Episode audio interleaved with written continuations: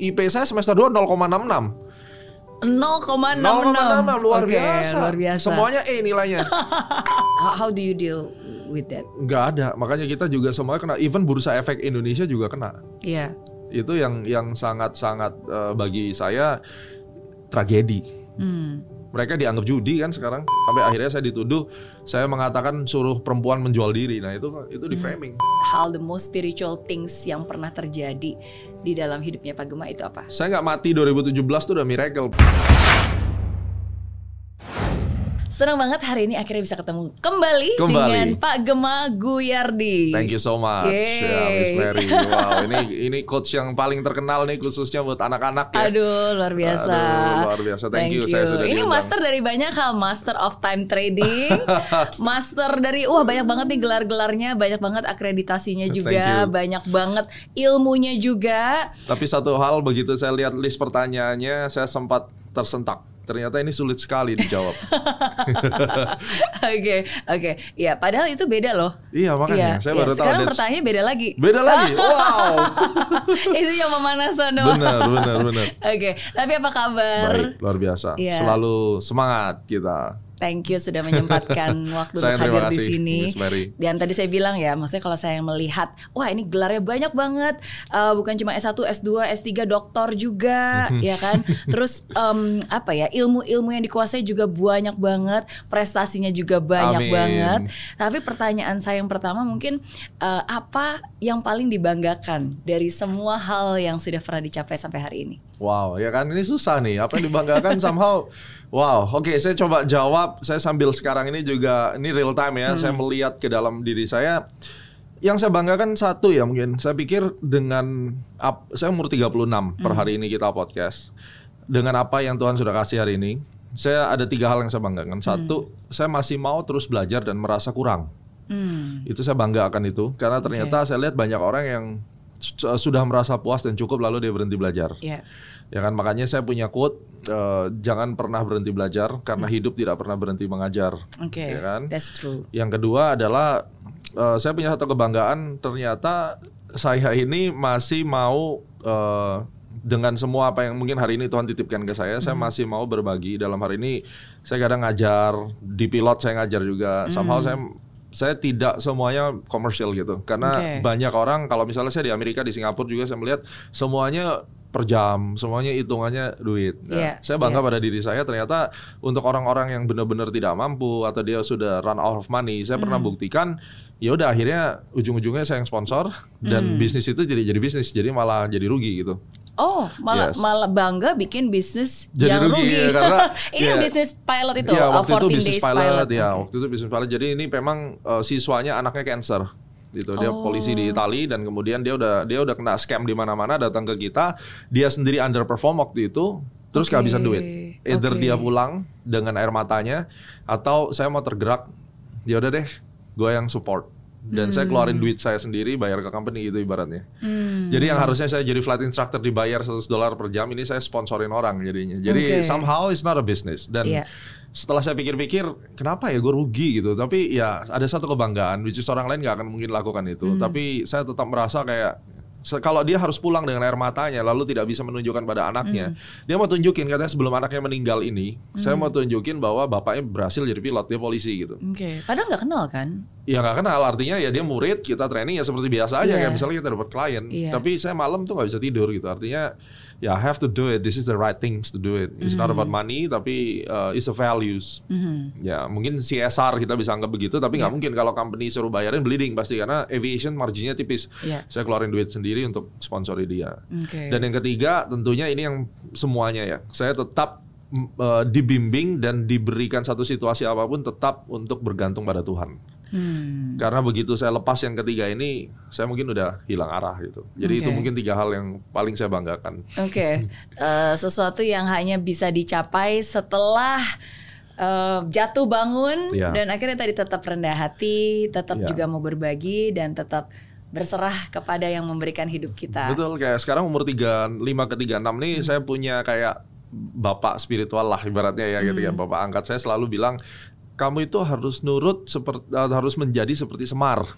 Semar, Di, nah, oke. di dalam kejawen pewayang itu kan semar. Iya. Jadi makin dia tinggi, makin dia besar, makin dia harus mengayomi sesamanya, makin Hmm. harus mengakomodir. Nah itu yang sulit sekali untuk kita lakukan. Tentu kita punya ego, punya Iya. emosi ya. Tapi bagaimana harus menjadi akomodat, mem- mengakomodir semuanya dan ya menurut saya ini yang pelajaran berikutnya untuk lima tahun ke depan. Gitu. Oke, dan itu saya setuju banget sih. Maksudnya sometimes kadang-kadang ketika orang belum siapa-siapa, mungkin ya dia tetap dia rendah hati karena mungkin belum mendapatkan banyak hal. Hmm. Yes. Dia juga mau belajar karena ya apa pun juga ajarin saya akan pasti akan lakukan. Yeah, Tapi yeah. kan ketika the level of success increase, biasanya Yeah. the level of teachability jadi berkurang. Berkurang. Ketika Terus suksesnya udah naik ya akhirnya Sindrom kemampuan- artis biasanya itu dia tuh kan. Sindrom artis Sindrom gimana? artis ya merasa eksklusif. Merasa eksklusif. Dan itu yang dulu mungkin pernah karena saya pernah dulu ngefans sama artis mungkin waktu SMA tapi Hmm. cuek artisnya men- sombong banget gitu lah ibaratnya. Ngefans sama siapa nih? Lupa saya saya bahkan lupa waktu itu. Oke. Terus saya sampai bersumpah one day kalau gue jadi terkenal kayaknya gue nggak akan jadi so artis gitu, Oke. gitu. Ya, ya itu mungkin satu hal yang saya bisa banggakan. Maybe so, I am no one actually gitu kan. Dan ya kita masih berusaha gimana cara bisa mempertahankan jati diri kita yang sebenarnya. Jangan Oke. jadi orang lain, tapi ya jadilah dirimu apa adanya gitu. Oke, dan itu semua lebih membanggakan daripada mendapatkan gelar doktor. Oh ya, ya. Oke. Ya dokter ada satu kebanggaan tersendiri. Kenapa? Karena bukan doktornya, tapi apa yang membuat saya menjadi dokter. Mhm. Jadi temuan saya tentang metode astronaci itu, itu kan kalau sebelum dikukuhkan secara akademis ya hanya mimpi omong kosong lah Mhm. ibaratnya orang yang melihat ya itu teori lu gitu. Tapi sejak 2009 saya meng- meracik itu dan akhirnya di 2021 berarti Mhm. kan kurang lebih sekitar 12 tahun. Dua- 2008 berarti 13 tahun Mhm. itu jadilah sebuah ilmu. Jadi memang itu satu kebanggaan ilmu ini dikukuhkan sebagai ilmu yang real dan bisa menjadi eh, apa ya berkat buat orang banyak. Karena kan pada akhirnya sekarang ternyata banyak anak S1, S2 berani mengambil ilmu ini untuk Ya. tesis dan skripsi mereka. Itu kebanggaan yang different. Dan itu yang membesarkan juga Iya, nama seorang harusnya iya. Gema, Betul. Iya kan? Karena itu satu hal yang pertama kali aku ingat ketika pertama kali aku tahu Mhm. uh, dan mendengar nama Pak Gema itu ya astronaci itu karena Ya. em, menurut saya saya bayangin apa sih ini astronaci gitu kan? Setahu saya ada astrologi, tapi ini astronaci ini apa? Apakah ilmu perbintangan kah gitu? Ya, dan astrologi akhirnya dan Fibonacci. kan gitu. astrologi dan Fibonacci. Fibonacci, betul. Eh, berarti Fibonacci itu kan ini kan dari barisan bilangan gitu Iya, ya? jadi Leonardo Fibonacci dia yang bikin angka Hindu Arabian 1 2 3 4 5 itu kita bisa kenal tuh karena dia sebelumnya pakai Roman, angka Romawi kan. Nah, dialah yang yang bikin tuh angka-angkanya terus dia nemuin golden ratio dan seterusnya itu. Oke, jadi secara singkat astronaci itu apa sebenarnya? Astronaci itu gabungan antara astrologi dan Fibonacci yang fokusnya di time. Jadi kita bisa cari tahu tanggal berapa harga saham atau aset apa untuk akan naik atau turun gitu. Bisa tahu tanggal berapa? Tanggal berapa harganya bisa naik atau turun. Harganya bisa naik Iya. dan turun. Dan itu kan missing link karena selama ini orang fokusnya cuma di price. Oke. time-nya mereka lupa bahwa semua pergerakan harga itu ada unsur time-nya. Nah, itu yang sebenarnya sudah ada ilmu itu, Oke. tapi kita mendiscover terus kemudian kita fokuskan kepada uh, kita simplify dan dan lebih di di apa ya, diperjelas gitu. Hmm. Ya itu jadinya itu. Dan berarti bisa memprediksi kapan Ya, tanggal berapa? tanggal berapa akan naik atau turun? Iya, makanya kan Oke. yang dari waktu uh, banyak sih sebenarnya, tapi yang paling heboh kemarin waktu Covid Iya. itu kita live YouTube dan saya katakan tanggal 24 Maret 2020 that's the end of crisis. Dan Oke. ternyata benar-benar boom bottoming semua market naik. Ya mungkin orang bisa bilang hoki, Iya. tapi it was happen di 2011 juga waktu saya pertama kali masuk Forbes magazine. Iya. Ya, dia telepon gua akan masukin lu di bulan depan. Tapi sekarang tolong bikinin prediksi indeks kita tuh mau ke mana dan di kapan gitu Oke. dipublish. Waduh itu kalau gua salah kan gimana gitu Iya. kan. Jadi waktu itu ya udahlah nothing tulus bukan siapa-siapa gitu ya udah tulis saya 4100 tanggal 25 Juli 2011. Tapi itu ada hitungannya, maksudnya secara saintifik. Iya. Oh ada. wow. Jadi memang ada repetition cycle yang yang untuk Iya. satu market gitu ya. Makanya disertasi saya kan untuk gold sama ISG gitu. Iya. Jadi dua market gitu. It- That is, very interesting. Iya, makanya. Karena uh, saya juga percaya bahwa um, every success itu ada science-nya Iya. sebenarnya. Cuma kita harus nemuin aja bisa mengcrack dan mempelajari patternnya itu ada Kuncinya sebenarnya. adalah the law of vibration. the law of vibrations. Oke. Itu kan turunnya law of attraction. Hmm. Ternyata the law of vibration itu berlaku di financial market juga sama. Oke, walaupun termasuk di hal yang technical dan di financial numbers gitu. Iya. In the real sector. Yes, everything in this Oke. universe itu bekerja based on the law of vibration. Oke. Itu yang Tesla juga bilang. Iya, ini interesting. Nah, Aku jadi pengen belajar. Iya, karena ini yang yang yang katanya ilmu langit dan bumi. Yes, betul. Ilmu langit dan bumi. Benar. Astrologi dan Fibonacci, Fibonacci. ini. Dan itu kan dari dinasti Qin dulu ya, Mhm. sampai munculnya show itu kan karena itu. Oke. Itu Chinese astrology kan dia mengcombine itu juga gitu. Butuh waktu berapa lama nih untuk seseorang awam seperti saya benar-benar Selama bisa bisa open minded ya dan kemudian bisa open minded lalu berpikir logik cepat. Itu berarti uh, related to investment dong ya? Yes, Atau pasti. sebenarnya itu umum untuk apa pun juga? Selama ada pergerakan up dan down, ada unsur manusianya, semua itu bisa dihitung cycle. Oh. Karena bisnis pun ada cycle-nya kan. Like Oke. 12 year cycle, 10 Iya, year iya. cycle kayak gitu kan sebenarnya Oke, ada. berarti sebenarnya mempelajari patternnya, pola, Pola. pola, mungkin dari berapa tahun Yes. uh, dan, dan dilihat polanya, Behavior, betul. behaviornya seperti apa, terus ada hitungannya juga, Iya. terus uh, ya ada analisisnya lah. Betul. Oke oke. Betul. Oh that's interesting. that's very interesting. Oke oke oke. Jadi oh, sebenarnya pengen tanya lebih banyak lagi Iya, nih. boleh nanti Iya. kita. Nanti ya. Mau nanti ajarin ya. Jadi Betul. butuh waktu berapa lama untuk benar-benar yang sama sekali nggak ngerti dan nggak tahu sampai Saya rasa kalau mengerti konsep sampai detail maksimal kalau orangnya well educated, Hmm. intelektual, ber- berpikir logik tiga bulan maksimal. lah. bisnis. Hmm. Mengetahui ilmunya itu cepat, tapi mempercayainya dalam subconscious mind kita, Oh. hati kita itu yang susah. Oke, that's true. Karena kita harus menjalankan kan dengan put the risk on behalf of our money di dalam situ dengan sebuah metode yang baru. Betul, ya, you need betul. proof. Betul. Dijalanin setiap hari gitu. Betul. Dan untuk bisa me- mengubah cara pola pikir Betul. kita yang sudah terbentuk selama 40 Yes, tahun dan exactly. apa yang kita yakini kan ada juga orang yang mungkin uh, nggak percaya dengan angka-angka numerologi. They have wrong belief, Mhm. ya kan? Terus mereka nggak percaya dan mereka tetap uh, berkeras di dalam pemahaman mental block. Jadi Hmm. ya, ya, itu memang sulit. Makanya aku bilang open minded kata kuncinya. Oke, oke. That's very interesting. Oke. Ya, anyway, buat um, di Friends ini Ya. biasanya saya memberikan 8 pertanyaan Oke, good, dan good. nanti terakhir um, Pak Gema bisa menanyakan satu, Satu pertanyaan. Nice. apa pun juga. 8 plus 1 8 konsepnya plus ya. 1. Oke. gitu. Oke. Jadi kalau pertanyaan pertama tentang apa yang membuat uh, Pak Gema bangga, pertanyaan kedua ini sebenarnya lebih ke masa kecil. Oke. Jadi masa kecil apa yang paling diingat? Ya itu itu makanya saya punya kehidupan kecil di Kalimantan di kota yang kecil sekali, tidak ada mall. Hidup kami sederhana. Hmm. Di mana berarti? Di Sampit, Oh. tempat yang kerusuhan dulu. Oke. Ya jadi saya lahir di Surabaya lalu diboyong orang tua saya ke sana Hmm. karena mereka ada bisnis di situ dan saya besar sampai SMP kelas 3 dan kemudian saya pindah ke Surabaya. Hmm. Pas waktu kerusuhan Sampit, potong-potong kepala itu. Wow. Oh, ya kan? Nah, yang kadang-kadang saya suka ngeliat ada foto ada foto yang ke- di kepala ditusuk. Yes, It- it- that's, ditusuk. that's real. Iya. Oke, wow. Ya. Nah itu itu memang luar biasa pada saat itu. Hidup saya sederhana, orang tua saya sangat cinta kami, Hmm. ya bukan dimanja. Kita hidup dengan keras, tapi di selalu diajak papa saya pergi ke hutan karena papa saya dulu selain pabrik kayu dia mem- eh, hutan untuk kelapa sawit land clearing. Hmm. Jadi cukup lengkap. Tapi yang paling saya ingat adalah ketika momen saya pergi ke airport, Mhm. saya harus naik pesawat ke Surabaya dari pesawat kecil, terus kemudian pesawat besar, terus kemudian waktu saya pertama kali belajar untuk menjadi atlet bulu tangkis, gitu. Atlet bulu tangkis. Yes. Oke. Saya angkatannya Tontowi Ahmad itu teman satu Oh. liting gitu ya. Wow, your life is so interesting. Baru tahu nih. Jadi Ya. memang dari kecil eh, cita-citanya juga pengen Dulu jadi pengen atlet. jadi pebasket. Terus kemudian papa saya bilang orang Indonesia nggak akan mungkin tembus internasional. Oke. Which is true, Aha. ya kan? Eh, sahabat kita Denny Somargo juga menyatakan hal sama karena tinggi badan, Iya. karena genetik ya. Terus sampai jari saya ini patah kena bola basket dan saya benar-benar memutuskan saya move ke bulu tangkis gitu karena Dede bulu tangkis sudah ada Koalan Budi Kusuma. Susi Susanti. Jadi ada history gitu. Kita tinggal ngikutin Iya. antara kita bener bisa atau tidak.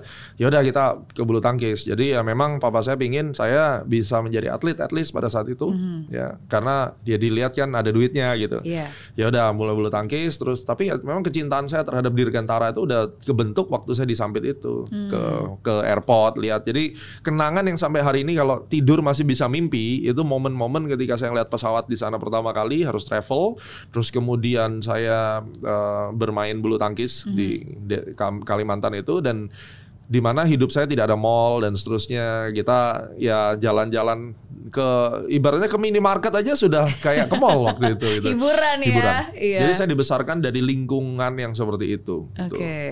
Oh, wow. Berarti cita-citanya sebenarnya pernah pengen jadi atlet juga, tapi pernah pengen jadi pilot juga Iya, nggak? iya, Cita-cita akhirnya juga. akhirnya itu salah satu yang saya capai dan menjadi profesional akhirnya kan. Hmm. Dan punya bisnis di dunia aviation juga. Oke. Waktu kecil termasuk tipe anak yang bandel gitu atau yang atau yang pelajar rajin? Hyperaktif, Oh, banyak maunya. Oh iya. Dan bahkan keluarga besar sendiri itu nyinyir.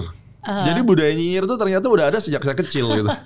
Remaja gitu. Iya, iya. Nyinyirnya ke orang tua saya. Dinyinyirin Lu tuh apa? gimana sih nggak bisa ngatur anak ya? Anak lu tuh kebanyakan maunya gitu. Hmm. Papa saya cuma diam, ya udah nanti kita lihat aja 10 tahun lagi dia jadi apa gitu. Wow.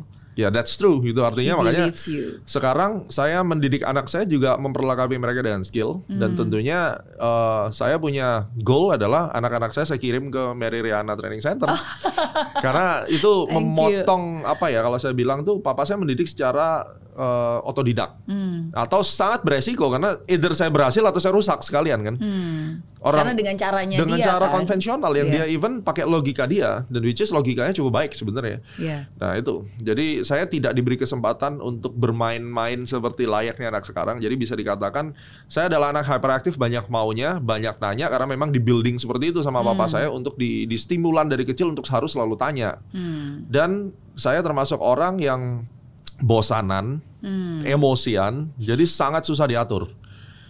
Oke. Sehingga orang pun di, tem- di teman-teman sekolah saya yang SMP sama SMA juga merasa bahwa yang kuliah terutama itu kok lu bisa jadi kayak gini gitu. Padahal lu dulu tuh brutal gitu. Iya, iya. Dan masih ke bawah sampai kuliah pun Oh, juga masih. masih. seperti itu ya, Masih. hiperaktif. Sampai sekarang.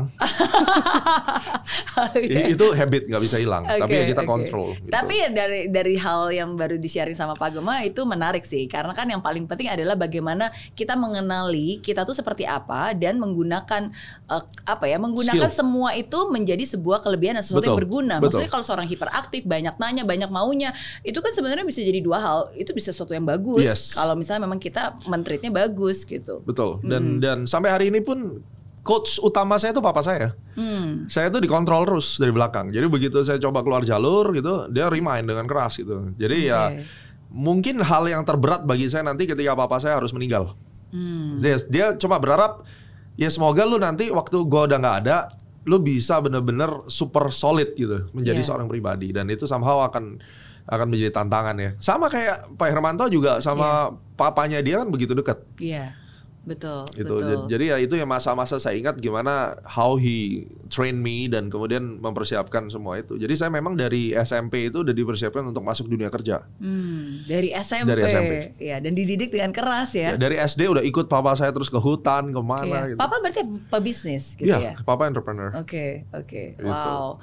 That, but that's that's amazing sih. Itu satu hal yang pastinya em, apa ya?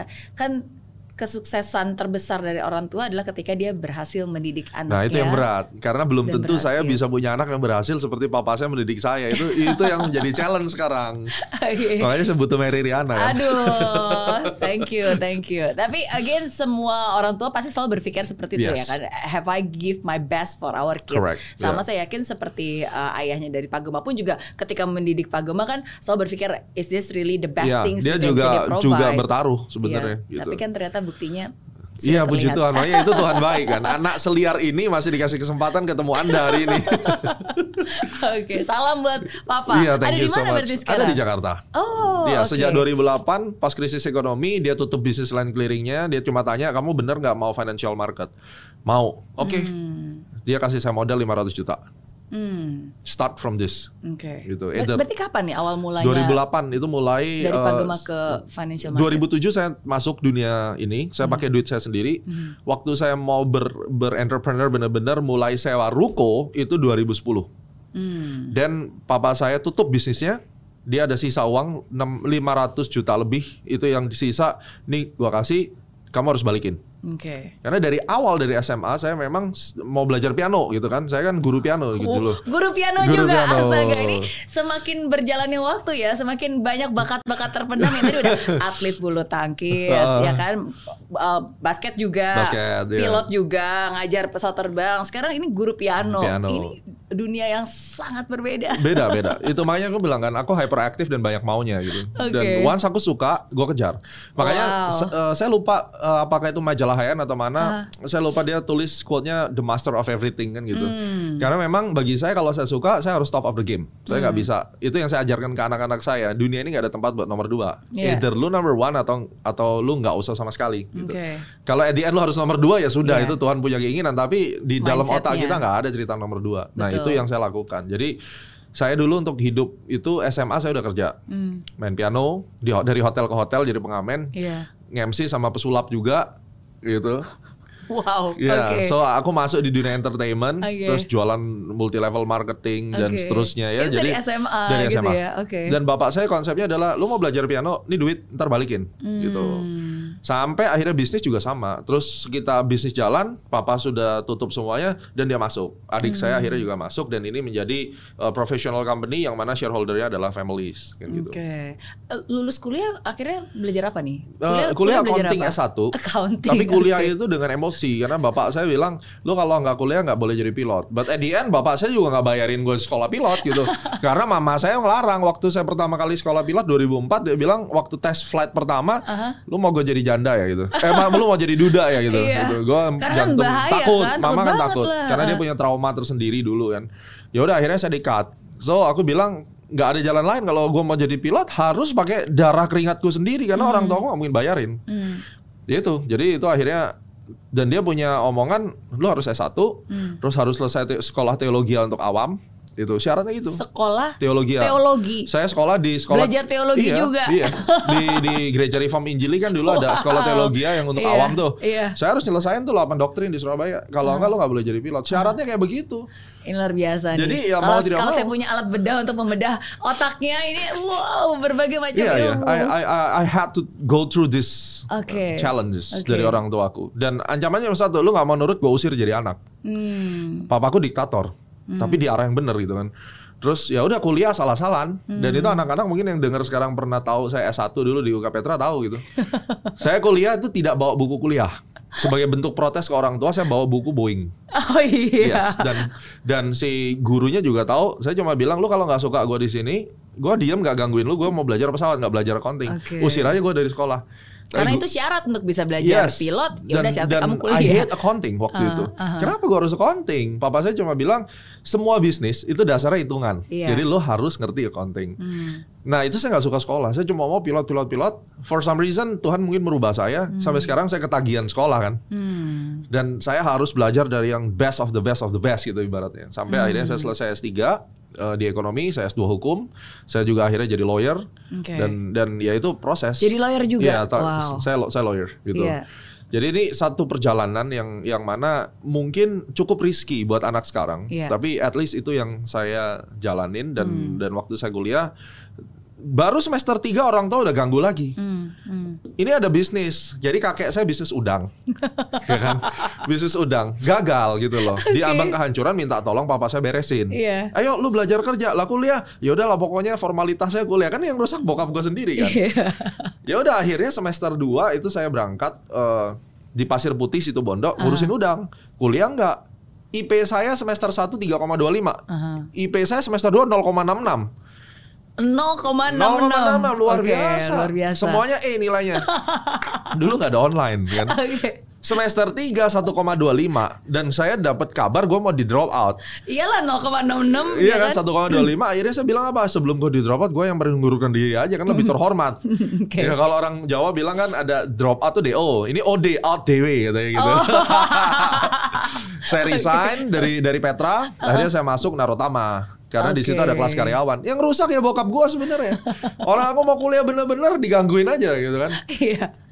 Ya tapi saya bersyukur lah, akhirnya saya tahu bisnis. Oke. Nah akhirnya saya beralih ke bisnis udang itu. Iya, Sam- karena mungkin papa maunya kamu belajar dengan cara yang berbeda. Belajar kan nggak harus di universitas Yes, kan. tapi mungkin waktu itu papa saya galau, nggak jelas dia maunya Iya, apa kan gitu. iya. Dan ini tidak akan mungkin dilakukan orang tua zaman sekarang. Anaknya diintervensi di tengah suruh ngurusin yang lain kan gitu. Itu weird banget memang Hmm. That's hari true. itu gitu. Oke. But anyway itu hidup saya di bisnis udang saya jalanin 2 tahun. Hmm. Akhirnya engkong saya itu bangkrut. Terus saya jalanin sendiri sampai buka jalur ke Tuban, ke Lamongan. Saya kirim ke Tarakan karena memang kita jual semua bibit udang ke Tarakan. Hmm. Nah setelah itu terjadi katastrofi di dunia perikanan karena Hmm. air segala macam. Akhirnya di situlah momen saya masuk pasar modal 2007 sampai hari ini. Oke. Wow. Dan saya tidak jadi atlet, saya tidak jadi pianis secara ini ya karir ya. Karena Iya. dulu mau di sekolahin juga ke Aussie, ke China untuk musik. Iya. Tapi kita hitung-hitungan belum tentu bisa berhasil gitu. Iya. Dan gak jadi pesulap juga. Ya, ya pesulap akhirnya buat buat fun-fun aja. Buat fun-fun aja. Betul. Tapi Oke. core core-nya kan kita mesti memilih satu ya dan Iya. untung waktu itu papa saya mengarahkan saya tidak telat. Jadi Iya. once saya mengarah ke financial market itu tepat usia saya umur 21. Mhm. Jadi 21 tahun saya mulai masuk dan sampai hari ini kan berarti sudah 15 tahun. Iya. Jadi saya punya colong start itu dari situ. Iya. Nah, Betul. itu itu yang dan yang ketika masuk walaupun masuk ke financial market di usia 21 yang masih muda tapi kan sebenarnya uh, exposure untuk belajar dari berbagai macam bidang itu yang memberikan perspektif yang berbeda Betul. gitu. Itu yang membuat papa saya setuju. Karena awalnya dulu waktu saya trading ini ap- ngapain sih lu begini gitu. Dia nggak setuju awalnya. Iya, iya. Tapi setelah dia melihat, oh ternyata pasar modal kayak gini, dia 100% mendukung. Hmm. Kenapa? Karena dengan begitu banyaknya emiten di pasar modal, kamu bisa mempelajari semua bisnis mereka. Hmm. Dan itu benar yang tadi Ibu Mary bilang.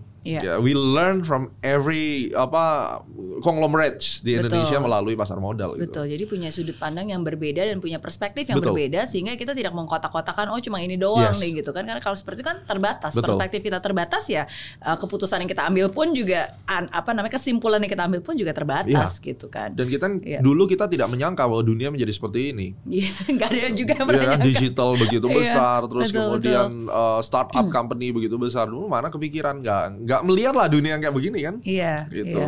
Oke, masa terkecil banyak yang diingat.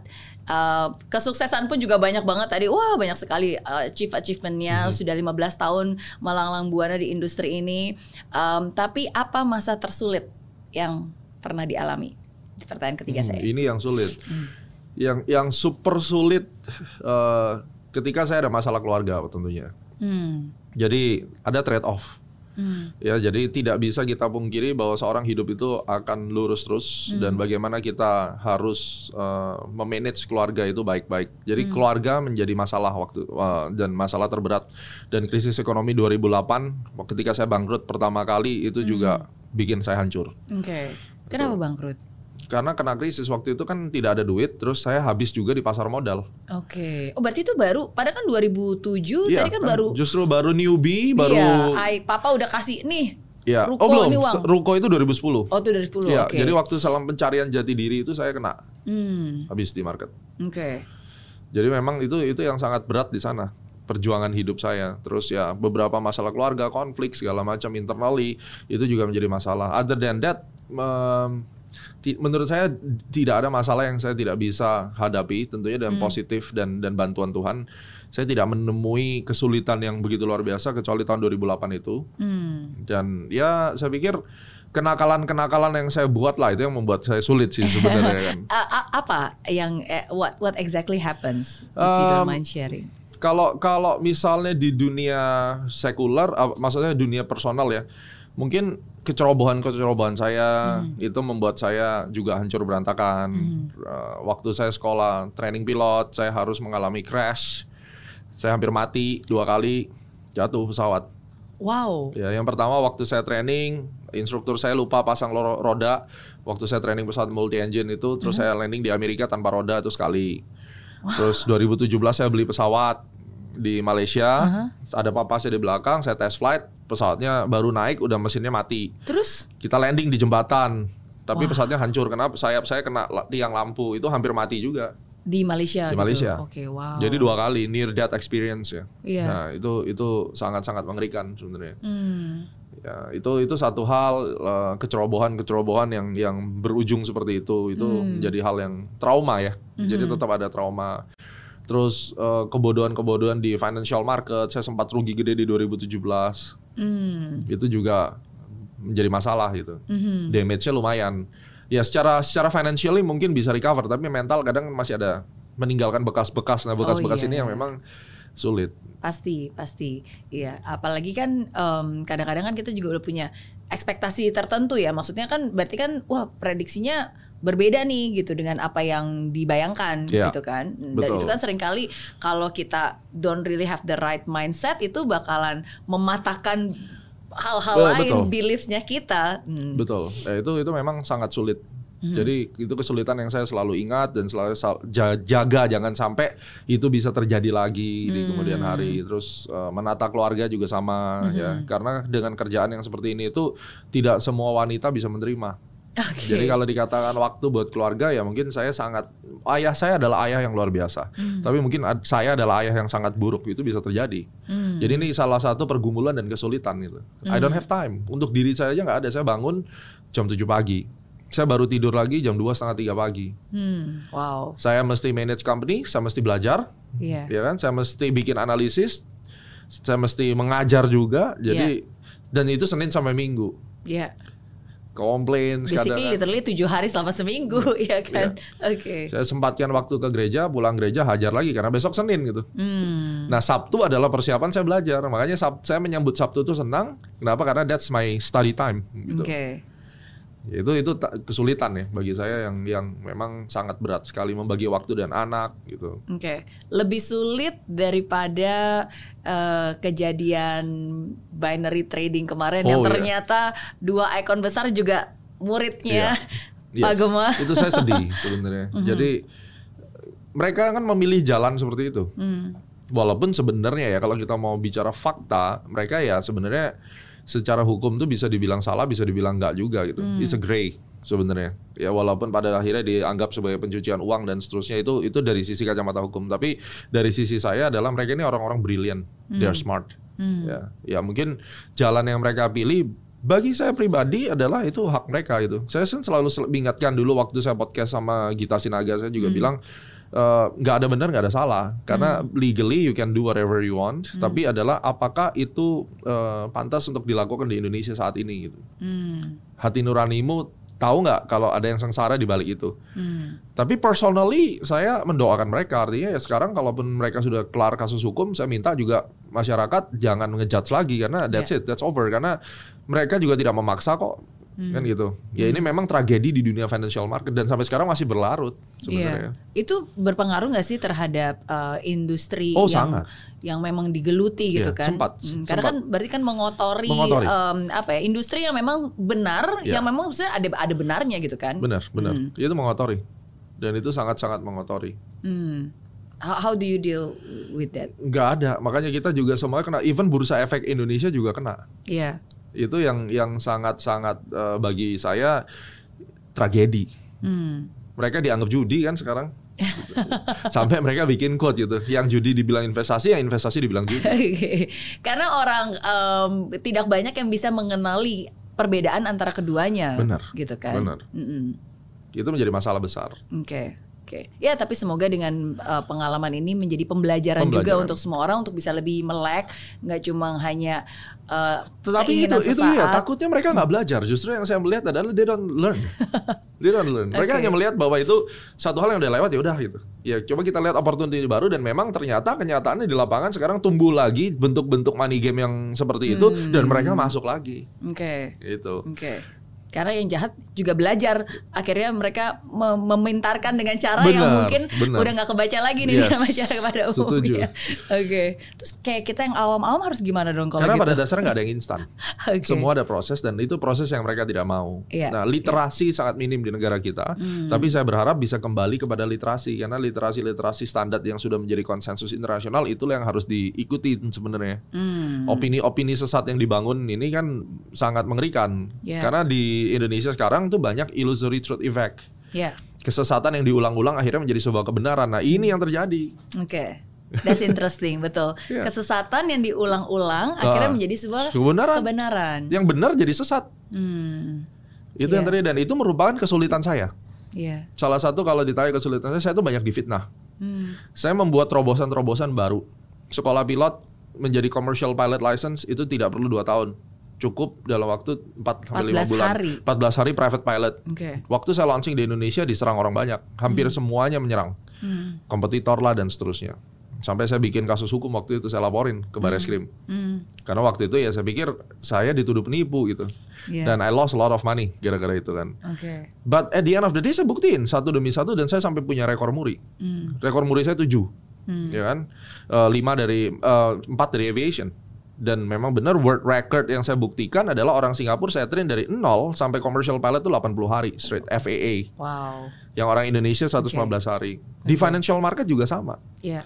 Diputar balikan, difitnah dan seterusnya. Itu salah satu kesulitan. Kalau tadi di- saya boleh tambahkan satu itu Iya. kesulitan. Ketika Anda benar dan Anda membuat satu breakthrough yang berguna buat orang, tapi penyesat-penyesat ini memutar balikan fakta, menggiring opini dan Iya. Membuat sebuah kayak apa ilusi baru Iya. bahwa kebenaran tuh ini gitu. Nah, Iya. ini ini berat. Iya. Termasuk juga potongan video diedit Ya, Dit. Waktu dan itu kan disebarluaskan. Saya yakin Miss Mary pernah lihat tuh potongan saya yang sampai akhirnya saya dituduh saya mengatakan suruh perempuan menjual diri. Nah itu itu di framing. Mhm. Yang lihat di Twitter sampai 400 ribu. Kasusnya sampai sekarang masih bergulir. Hmm. Iya. Gitu. Iya, tapi hidup memang seperti, Hidup itu. seperti itu. Kita tidak bisa mengendalikan mereka. Tapi saya belajar satu. Tapi kita juga harus waspada, waspada. hati-hati. Yang saya sa- belajar satu hal adalah seiring dan berjalannya waktu, selama kita menanggapi dengan bijak, Ya, itu semuanya akan hilang. that's true. Dan itu saya belajar dari Bang Ahmad Saroni. Hmm. Kebetulan kami kumpul di satu klub mobil Ya. ya di Ferrari Owners Club Indonesia dan dia sempat mengingatkan saya dan memberikan arahan seperti itu. Ya Hmm. sen- senior kita ini saya pernah undang beliau di CEO Talk juga. Ya. Ya itu dia bilang somehow ada masalah yang rame eh, lu dituduh gitu. Ya di framing Ya. yang bisa lu lakuin cuma satu diam dan masalahnya akan selesai dengan sendirinya. Wow, that's a great lessons. Oh, sakit hati pasti. Tapi somehow diam udah. Iya.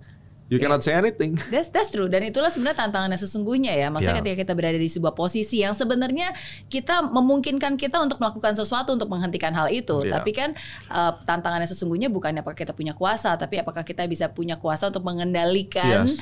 punya self control. Ini mau dilakukan atau enggak atau didiemin aja. Ya udah it's not worth it, diemin aja. Somehow the more we talk, the more we act itu makin runyam urusannya. Ya, gitu. karena itu kan tujuannya mereka Yes. supaya mendapatkan panggung, supaya jadi bahan pembicaraan. Itu dia, nah itu yang saya ya bilang kan? Kesulitan yang paling besar tuh salah satunya di situ. Hmm. Saya masih belajar sampai hari ini. Um, serumus atau formula, lu nggak salah, lu bener, lu di framing, lu di fitnah, tapi lu harus diem. Hmm.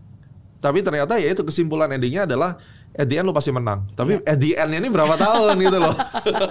Dan apa yang dikorbankan selama Yes. itu kan? itu tantangan. Saya Iya. pikir juga Miss Mary pasti akan mengalami hal itu karena Iya, you're the leader iya. in this business. Ya, ya, ya, kan? ya. Maksudnya pernah juga mengalami. Maksudnya semua orang juga pasti, um, ya dalam arti um, dalam bentuk skala kecil atau besar, Iya. pasti ya namanya juga uh, hidup ya. Apalagi di dunia bisnis pasti kan nggak jauh-jauh dari yang namanya kompetisi. Melibatkan internet, sosial media, wah itu multiplikasinya lebih gede. Oke, nah tapi kalau kita berbicara tentang tadi uh, kesulitan-kesulitan, saya juga yakin pasti ada uh, suatu hal yang mungkin ini di luar dugaan, seperti kayak keajaiban, mukjizat, hal the most spiritual things yang pernah terjadi di dalam hidupnya Pak Gema itu apa? Saya nggak mati 2017 tuh udah miracle pas saya jatuh kan. Ah, Itu salah satunya. Terus kemudian kemarin saya baru ada accident, eh, hampir accident lagi. Saya bawa murid terbangin pas tanggal 15 September 2022. Begitu saya take off pesawat mati semua listriknya. Oke, ya udah gampang lah pesawat mati. Yang penting mesin nggak mati. Saya mau putar balik, saya mau landing di mana itu? di Johor Baru, Malaysia, Oke. di Malaka kejadian ini, Iya, Malaka. Ud- Ini udah di atas runway. Tuhan ingatkan saya, landing gear lu belum keluar. Kalau coba kalau misal tanggal 15 saya landing itu, saya langsung bikin podcast ya supaya orang belajar dari saya. Wow, Habis pesawat saya udah landing tanpa roda lagi. iya. Itu seperti ada yang ngebisikin, landing gear lu belum keluar. gitu. Hmm. Begitu saya lihat kaget, oh belum keluar, saya naik lagi. Itu miracle. Hmm.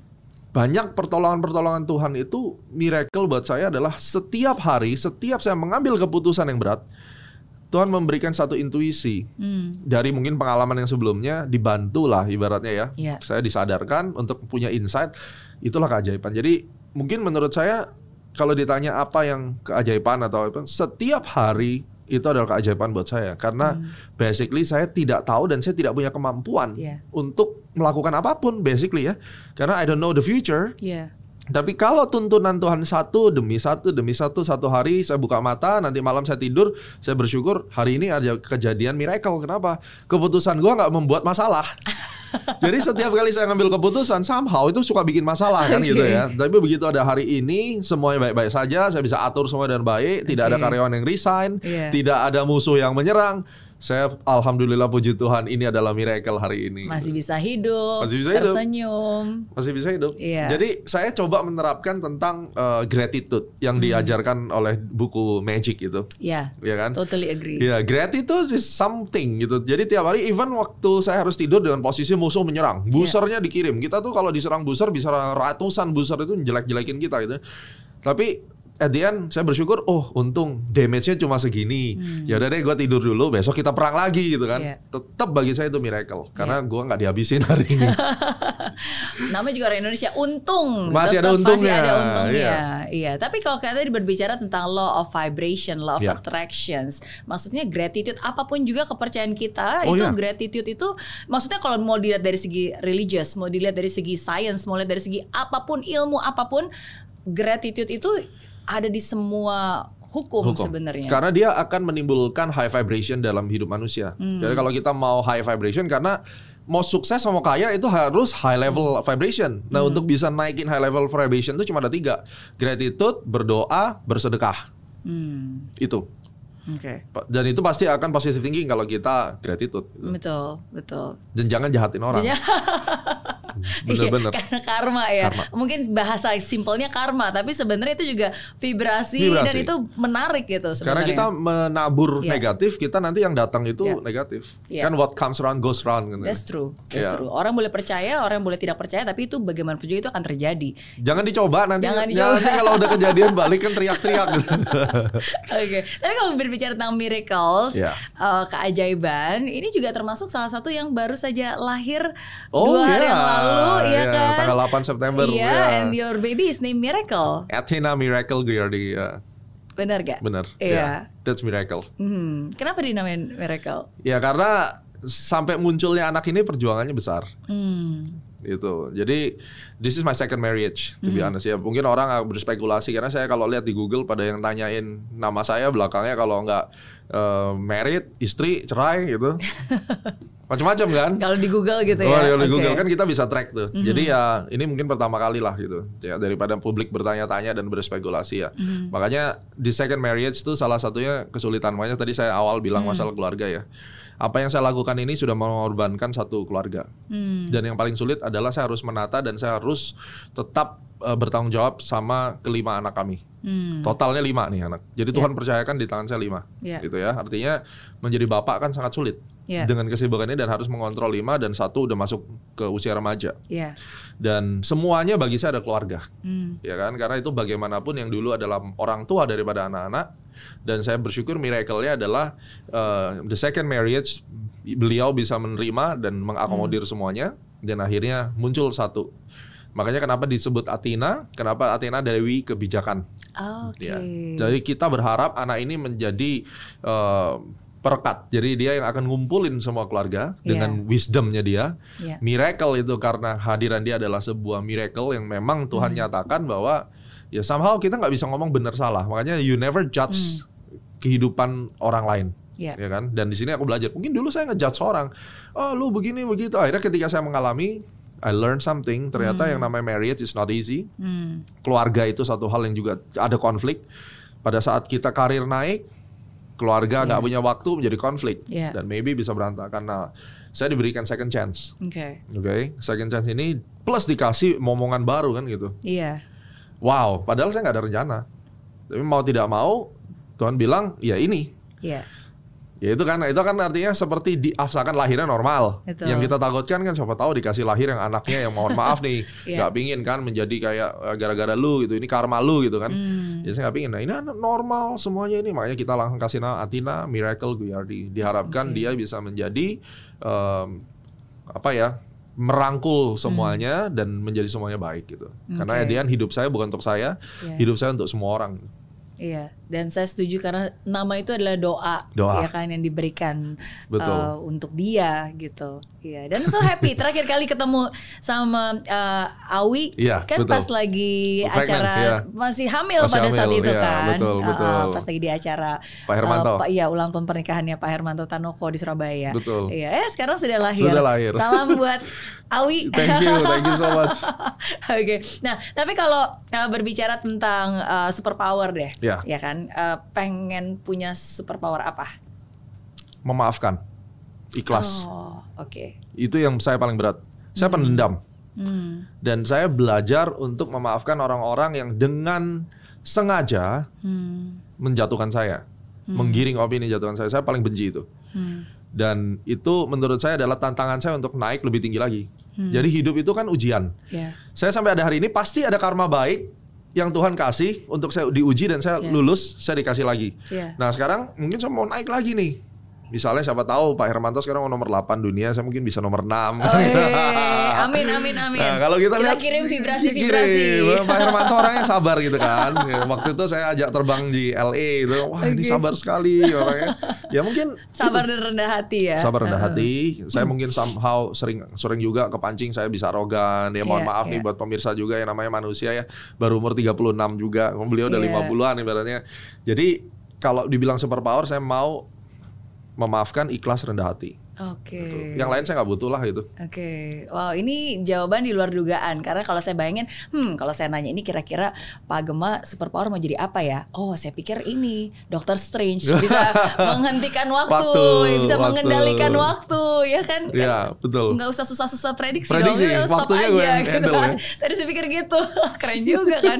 Tapi uh, your answer um, apa ya uh, shows a lot more about you. Ya itu Jadi sulit, jawaban- sulit banget. Ikhlas tuh paling sulit. Hmm. Ikhlas dapatnya cuma segini, ikhlas rugi, ikhlas kan.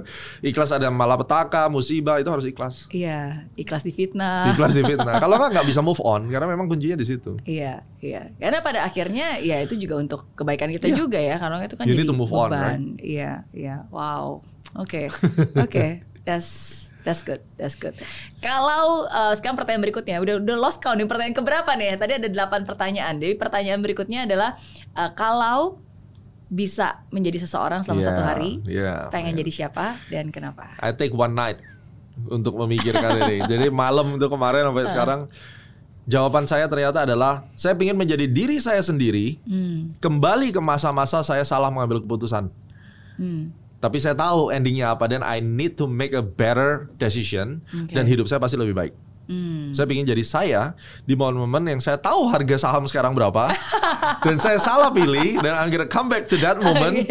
Itu yang saya mau. Oke, oke. Jadi Karena kalau- kan kalau pertanyaannya boleh kan nggak boleh ngo- pertanyaannya kan tidak bicara menjadi diri di masa yang lalu kan betul, gitu. Betul, betul, So that's what I want to be. Oh, that's interesting. Boleh deh ke satu tanggal di umur hidup. Berarti mau pilih ke kapan tuh? Momen mana? 2007. 2007. Oke. Ya. Jadi 2007 ketika saya mulai masuk dunia pasar modal, ketika saya mempersiapkan diri untuk mau menikah, mau Hmm. ngapain, ya kan? Jadi kalau semua hal buruk yang terjadi tentunya ini ini cuma omong kosong lah ya Iya, karena segala iya. sesuatu sudah ditetapkan sama Tuhan gitu. Betul. Ketetapan Kalau Allah, ada itu nggak predestinasi. mungkin ada yang sekarang, yes. kan? Hmm. Jadi ini kan kita ngomong kosong aja, Berandai-andai, andai-andai kan boleh-boleh aja gitu. Betul. Tapi tetap ya Tuhan ini tidak ber- tidak bermaksud bahwa saya bersungut-sungut atas Betul. apa yang saya dapat. Betul. Tapi kalau ditanya saya akan kembali tahun 2007. Hmm, oke. Saya tidak gini, artinya yang sebelum 2007 itu tidak merubah hidup saya. Ya. Tapi kalau di 2007 saya tahu endingnya misalnya saham BRI sekarang berapa ya. ya gue beli BRI pada saat itu kan gitu. Oke. Ya kan kalau Iya misalnya misalnya saya tahu nih ada apa saham Aw- BCA Awi Awi gitu. di zaman dulu kan saya juga udah tahu tahun 2007 Udah kenal. udah udah tahu. Oke. Ya jadi kan saya bisa paling enggak gitu kan Oke. langsung wah pokoknya apa yang terjadi gue culik kayak gue apain pokoknya. ya itu sorry nih omong kosong nih ceritanya kan. Iya iya iya Itu, berandai-andai berandai-andai. lah. Oke oke. Karena pada dasarnya kita nggak perlu jadi orang lain bagi saya. Diri kita adalah yang terbaik. Kenapa? That's Saya pelajarin satu hal. Ada kan film yang bertukar peran. Iya. Saya lupa pemainnya siapa yang cewek itu. Dia Iya. nggak happy, dia nggak, yang kaya nggak happy, yang miskin happy. Begitu ditukar. Mhm. juga nggak happy. Iya. Jadi sebenarnya kita tuh sudah happy harusnya menjadi diri kita sendiri. Hmm. Hmm. Betul. Even kita yang terburuk pun hari ini yang dengar podcast kita hidupnya lagi susah, kelilit utang, sakit, you akan lebih happy di posisi yang itu. For some reason, karena at the end of the day kita nggak tahu. Hmm. Yang terindah kan pasti sudah disiapkan gitu. Setuju. Karena bagaimanapun juga kalau kita yang nggak happy, kita mau di posisi mana pun Nggak akan tetap happy juga. Iya. Mau jadi mau dapat Forbes kayak mau apa kayak tetap aja karena selalu ada sesuatu gitu Betul. kan yang kurang. Karena orang pikir saya lahir udah kaya. Enggak. Saya jualan softtek pembalut wanita, saya jualan, saya jualan kue di pinggir jalan. Bener. saya start dari bener-bener papa saya maunya tidak di spoil, tapi ya somehow orang tua saudara-saudara bilang lu kejam banget sih sama anak gitu. Oke. Hanya dengan begini anakku bisa jadi. That's what my father said. Hmm. Gitu. Jadi ya saya pikir waktu itu mungkin orang bilang ya saya nggak happy. Karena apa? Coba bayangin. Nenek kami itu menganaktirikan kami. Hmm. Itu yang jelas fakta. Hmm. Karena papa saya anak laki-laki paling kecil, mama saya anak bungsu. Hmm. Tidak dianggap. Orang lain anak bungsu disayang-sayang. Hmm. Ya. Semua keluarga mampu sekolah luar negeri. Kami sekolah di kampung. Hmm. Tidak ada Kenapa dia anak tirikan? I don't know. Oke. Waktu itu kan kita bisa merasa bahwa Tuhan tidak adil dong. Iya. Hidupku tidak bahagia. Saya baru pertama kali menginjakkan kaki ke luar negeri umur 19 tahun. Hmm. Orang lain sudah travel ke luar negeri. Saya tidak. Hmm. Gak ada duit. Mau gimana? Handphone itu terima afkiran. Afkiran itu berarti sisa-sisa dari kakak-kakak sepupu yang dia udah dibeliin baru dikirim. Saya yang ambil handphone bekas-bekas. Hmm. Kalau mau ditanya apakah hidup saya bahagia? Tidak. Hmm. Tapi senang. Senang. Kenapa? Ya itulah yang saya punya waktu itu. Iya. Artinya ya sama. Orang yang sekarang bersungut-sungut kenapa hidup dia lebih enak? Stop doing that. Iya. Hidupmu lebih baik. Iya. Gitu. Mensyukuri apa yang Iya. dimiliki ya. Iya. Makanya kita fokus internally dan kita keep improving, belajar, belajar, belajar, belajar. Nggak akan rugi kok ngisi Iya. otak sendiri. Iya. Dan ini yang one day akan membuat kita naik level gitu. Iya, setuju. I affirm that. Saya Iya sangat kan? setuju. Iyalah, maksudnya itu juga ya again ini juga salah satu uh, hukum universal ya Iya. di mana pun juga apa pun ajaran agamanya kitab suci mana pun gitu kan pasti selalu ada ya tentang gratitude. Kalau Yes. kita nggak punya, kalau kita punya justru malah akan ditambah. Tapi kalau kita nggak punya ya justru malah akan lebih diambil Hilang, lagi. hilang, Mungkin betul. orang berpikir wah nggak adil banget nih nggak salah nih masa seperti itu. Nah apakah itu ya itu gratitude rasa terima kasih. Kalau kita punya ya akan ditambah lagi dan lagi. Mm-mm. Kalau nggak punya ya apa pun juga yang udah di kita ya akan diambil Benar. lagi gitu kan. Itu hukum paradoks yang ada di alam semesta itu yang harus diketahui. Hmm. Makanya kan sekarang setiap kali saya mengajarkan murid-murid trading saya, saya menggunakan konsep happy money-nya Ken Honda. Setiap kali Ah. mereka profit, arigato money in. Setiap kali Oh. mereka buang duit atau spending, arigato money out. Oke, lucu ya. Kayak ini kayak kayak masuk ke restoran Jepang gitu. iya, baca bukunya Ken Honda tentang happy money is really good. Ah, Oke Gitu. oke oke. Jadi arigato Money in. Money in. Karena duit masuk. Iya, income. arigato money out. Ya, nanti Uang keluar juga nggak apa-apa. Kita terima kasih, Terima kasih. Ian. Oke, karena itu jadi benih ya. Iya karena mungkin. kita, dia mengajarkan uang itu tidak boleh menjadi bagian yang kita penting itu cuma kayak alat kita aja gitu. Oh, Mindsetnya begitu dan betul. waktu dia keluar kita ngomong arigato money out, let's come back with your friend. Oh, gitu. oke, Jadi oke, walaupun oke. kita rugi ditipu orang, arigato money out. Iya iya betul betul. Kita kita bilang ya udah kamu keluar nanti kamu bawa teman-teman balik bawa lagi ya balik, yang lebih gede-gede ya. Oke jangan lupa ini rumah kamu di sini. That's a vibration, right? That's true. Iya. That's very true. Oke. Oke, pertanyaan ketujuh. Pilihan tersulit yang pernah dibuat dalam hidup. Antara saya mau Oh, ini yang paling sulit ya. Yang super sulit adalah saya mau hidup di dalam penderitaan, tekanan mental atau saya mau mencari freedom saya Hmm. dan saya bisa hidup move on lebih baik. Oke. Somehow kita dalam hidup itu memaksa untuk diri happy dan menerima satu situasi sampai pada akhirnya Anda tidak kuat lagi, you bisa ngedrugs, you bisa gila, you bisa bunuh diri dan seterusnya. Hmm. Saya rasa itu yang pernah saya alamin dan saya putuskan, oke that's it. Ini adalah momen saya untuk uh, menyelamatkan diri saya dulu. Oke. Baru nanti saya Kapan itu menyelamatkan. berarti? Uh, 2018. Oke, pilihan antara eh, apa dan apa? It's about family. Hmm, Oke. Ya kan antara saya harus struggling di dalam satu kehidupan yang saya tidak bisa um, make agreement anymore. Oke. Bukan karena siapa yang salah siapa yang benar, Iya. tapi karena perbedaan visi dan perbedaan filosofi hidup. Ya. Ya terpaksa memang harus uh, ini memilih jalur menyelamatkan diri sendiri. Ya. Karena filosofinya adalah ketika kita naik pesawat ada turbulence, Iya. selalu pramugarinya kan bilang pakaiin ini ke diri kita baru ke anak. Karena kalau kita nggak bisa survive, how can we s- save everyone? Setuju. Itu yang paling sulit. Setuju. Karena konsekuensinya banyak sekali dan kita nggak tahu apa pun, tidak bisa diprediksi, Hmm. ya kan? Dan itu juga uh, pressure-nya dari mana pun. Iya. Iya. Makanya kenapa namanya miracle kan? Karena itu berat. Dan Iya. saya tipe orang yang tidak meninggalkan semuanya begitu saja. Hmm. Saya tipe orang yang even orang yang nggak punya duit pun saya harus bayarin gitu. Hmm. Jadi saya termasuk orang yang sukanya gather. Gather itu dalam arti segala sesuatu tuh harus baik. Hmm. Walaupun misalnya kita tidak sepakat di dalam satu komunikasi kita tidak sepaham lagi dan kita harus jalan sendiri-sendiri, Hmm. tapi saya harus pastikan semuanya harus baik dan semuanya harus hidup dengan berkecukupan dengan baik dan tidak boleh ada yang menderita. Ya. Itu kan sulit. Ya. Mau sampai kapan kan itu? Tapi itu konsekuensi sekali lagi. Every Yeah. decision selalu ada konsekuensi. Sekarang bagaimana we manage the consequences supaya tidak menjadi the future uh, worst damage buat semua orang gitu. Ya. Ya. Itu yang paling sulit. Yang lainnya ya itu tadi nggak nggak ada yang lebih sulit dari keluarga. Keluarga itu yang paling Yeah. mengerikan. Iya, karena itu sesuatu yang very close to our Ya, heart. emotional kan? attach, physical attach, ya kan, mind attach semuanya. Betul, betul. Ya, tapi bagaimanapun juga uh, once decision is made, salah satu caranya adalah we never look back kan. Maksudnya tidak ya uh, Oh ya, tidak pernah just regret. move on, nggak pernah regret. Tidak pernah regret. Hmm. Tapi kita harus menjaga bahwa jangan sampai setelah decision dibuat ada pihak-pihak yang akan dirugikan. Hmm. Damage pasti ada, tapi kita minimalisasi damage-nya dan pada akhirnya mengakomodir supaya semua orang happy. Oke. Kata kuncinya adalah ketika semua orang di sekeliling kita karena keberadaan kita itu happy, di situlah Tuhan akan berkati. Oke. Makanya saya bilang kan menjadi semar, ikhlas itu berat. gitu. Oke. Tapi walaupun berat itu bukan alasan untuk tidak dilakukan Oh ya, ya, tetap. ya. karena at the end demi kebaikan kita juga pada akhirnya. Oke, oke. Saya pikir tadi keputusan eh, pilihan terberat ini berarti lebih berat daripada memilih antara mau jadi analisis atau enggak. Oh, ya itu itu it itu gampang ya. Padahal Urusan- katanya so- soalnya jadi analisis itu berarti kan resiko resikonya besar Jadi katanya. analis ya? Iya, Ya. karena bakal dihujat lah, bakalan karena kan susah itu berarti kan reputasi dipertaruhkan benar, katanya. benar. Mhm. Itu itu benar. Jadi apalagi ya sekarang salah katanya hebat kok salah. gue. Iya. Tapi itu minor lah dibandingkan dia kehilangan sebuah keluarga. Hmm, Itu itu nggak gampang untuk kita gumulkan gitu ya. Karena ini urusan kerjaan. Ini gagal total saya masih bisa jadi pilot. Paling Iya. jelek saya bisa jadi pengamen main piano gitu. betul, betul. Tapi kalau yang keluarga Iya. nggak ada. nggak ada. Oke. Terus gimana dong menjawab orang-orang yang yang kayak tadi katanya hebat kok salah, eh, Oke. katanya bisa memprediksi tapi kok rugi Menarik, menarik. Saya jawab ada dua hal. Yang pertama saya jawab secara data. gitu. Mhm.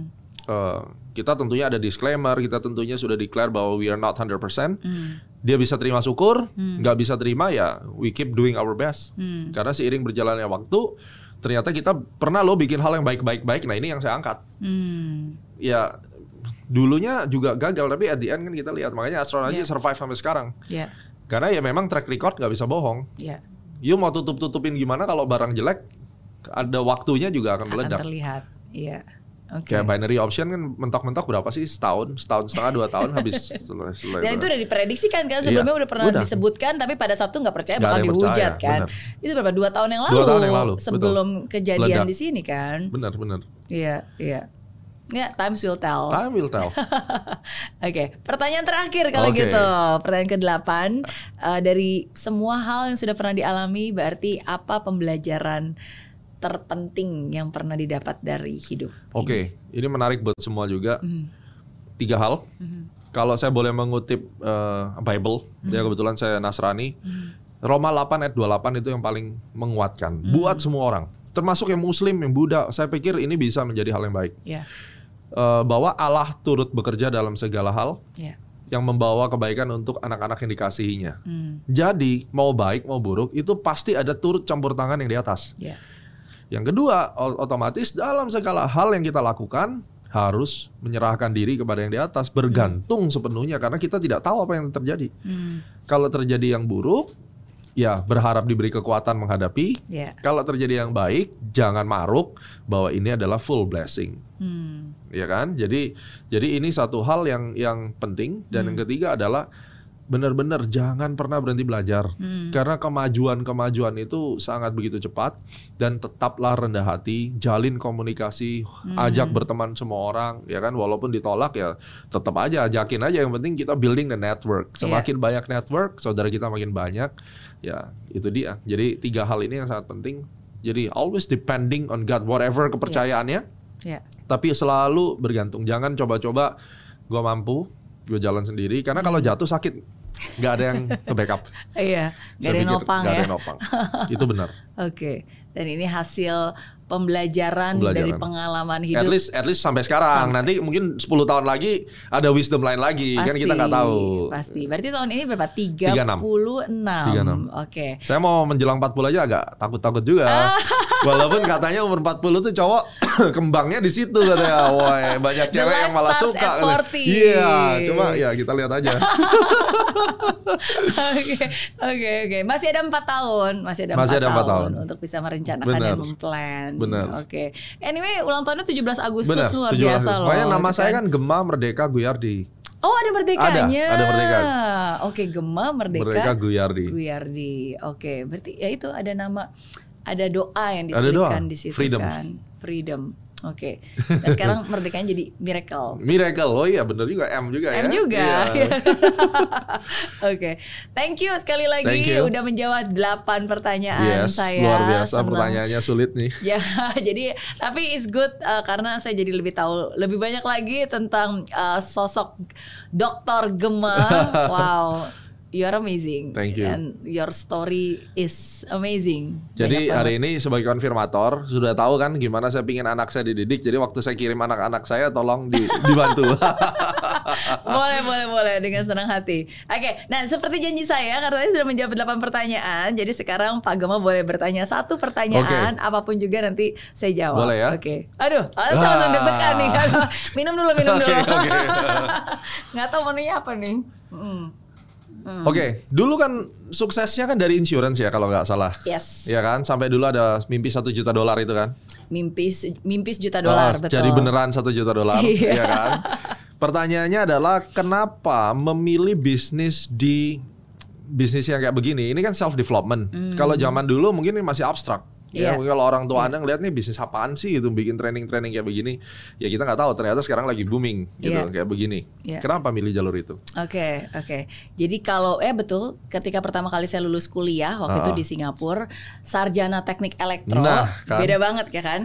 Tapi terjun ke industri jasa keuangan. Waktu itu kita menjual financial product, uh, investasi, insurance dan seterusnya. Dan pada saat itu terus terang saya belum tahu yang namanya passion, purpose. Kalau zaman sekarang kan anak muda, what is your passion gitu kan. Uh, waktu itu nggak tahu. Pokoknya tujuannya satu, saya pengen cepet-cepet bayar hutang. Saya nggak pengen membanin orang tua gitu. Dan saya willing to kerja keras. Dan waktu itu Tuhan kasih jalan di situ. Itu yang saya pilih. Saya kerja keras. 14 jam tiap hari nonton 7 hari selama seminggu dan akhirnya berhasil bisa bayar hutang dan mendapatkan kebebasan Hmm. finansial dan dapat satu juta dolar dan mewujudkan mimpi-mimpi saya gitu. I call that the first chapter of my life Oke. umur 20 sampai 30. Nah, tapi along the way ketika saya umur 27 28 barulah um, saya merasa bahwa in life there is more than just achievement Mhm. gitu. Hidup itu bukan hanya tentang um, apa ya prestasi atau tentang materi gitu. Tapi what's more dan di situlah baru saya mulai cari tahu lebih banyak nih Oke. tentang passion itu apa, finding your life purpose seperti apa. Mulai baca-baca buku yang kalau dulu baca bukunya Unleash the Power Within gitu kan. Yeah. Sekarang mulai baca bukunya yaitu uh, purpose driven life gitu. Dan di situlah baru saya menemukan oh ternyata ada namanya passion.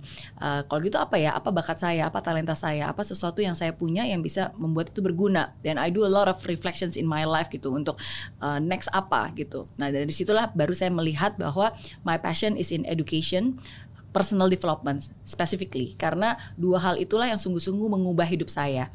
Saya melihat apa sih yang benar-benar related dan ada di hati saya itu education and personal Hmm. development karena itu yang sungguh-sungguh change my life Oke, bener. ketika sebelumnya saya bukan siapa-siapa dan menganggap saya nggak bisa tapi ketika saya disadarkan bahwa oh ternyata saya bisa loh dan itu mengubah hidup saya dan saya percaya itulah juga yang nanti akan mengubah hidup banyak orang um, khususnya anak-anak remaja gitu nah makanya dari situlah akhirnya saya mulai menata ulang dan mendesain Hmm. ulang dan akhirnya di ulang tahun saya ke-30 ya udah saya punya mimpi resolusi ingin menciptakan dampak positif dalam kehidupan jutaan orang khususnya di Indonesia wow. setelah 16 tahun tinggal di Singapura, akhirnya saya memutuskan untuk kembali tinggal menetap di Indonesia dan memulai sesuatu yang baru in education and personal development. Dan kenapa waktu itu mulainya di anak-anak? Ya karena waktu itu saya ibu dari dua anak. Oke, Jadi saya oke. benar-benar ingin mengajarkan itu ke anak saya. Jadi saya pikir ya udah sekalian I I do some things that what I really believe in. Jadi akhirnya dari situlah kita mulai um, Jalanin in ini ya, education, in kids education and ya. teens.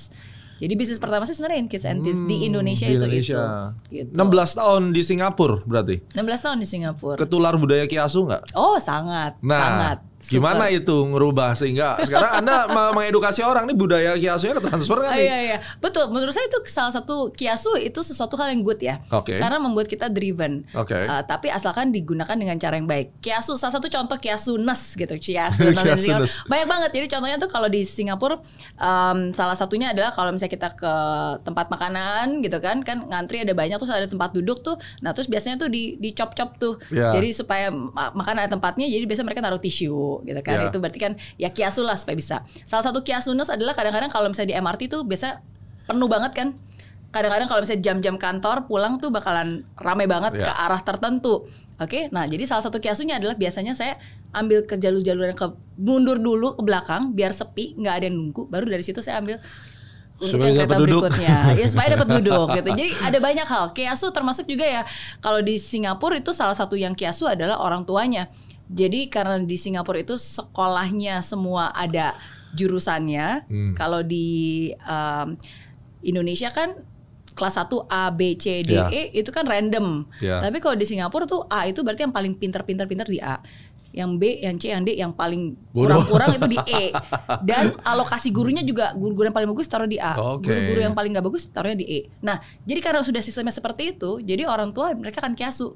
Dia harus memberikan sekolah yang terbaik supaya bisa dapat SD yang terbaik. Jadi harus masukkan TK terbaik supaya bisa dapat TK terbaik. Jadi anaknya dari TK udah dingelesin. Bahkan ada Oh. teman saya TK-nya dia TK anaknya masih TK tapi di dua sekolah supaya Buset. yang satu pagi-pagi di sekolah TK khusus Mandarin, siangnya sekolah TK khusus bahasa Inggris supaya dia siap masuk sekolah karena mulai dari SD itu udah ditentukan. Nah jadi hal-hal seperti itu Kiasu yang positif kiasu yang sebenarnya itu sudah agak ekstrim, Iya, tapi itu ada unsur bagusnya jadi membuat kita punya daya juang dan membuat kita Hmm. berani untuk um, ya kompetitif lah bukan Iya. kayak kayak sera-sera hidup Ya, apa aja benar, terserah benar, gitu. benar, benar. Mm-mm. Wow, thank you so much. Ini luar biasa. Akhirnya saya tahu. Nanti kita bahas lebih banyak Siap, lagi ya oke. di podcastnya CEO Talk. Pak. Yes, oke. Thank you, thank you, Jadi thank you sekali lagi, sukses. Thank you. Juga buat um, Pak Gema, Dokter Gema, Master Gema. Wah banyak dijulukannya. Dan salam juga buat keluarga. Terima kasih. Nanti aku belajar juga nih, pengen Siap. belajar astronaci. Oke. Thank you. Sangat terhormat. Terima kasih. Thank you.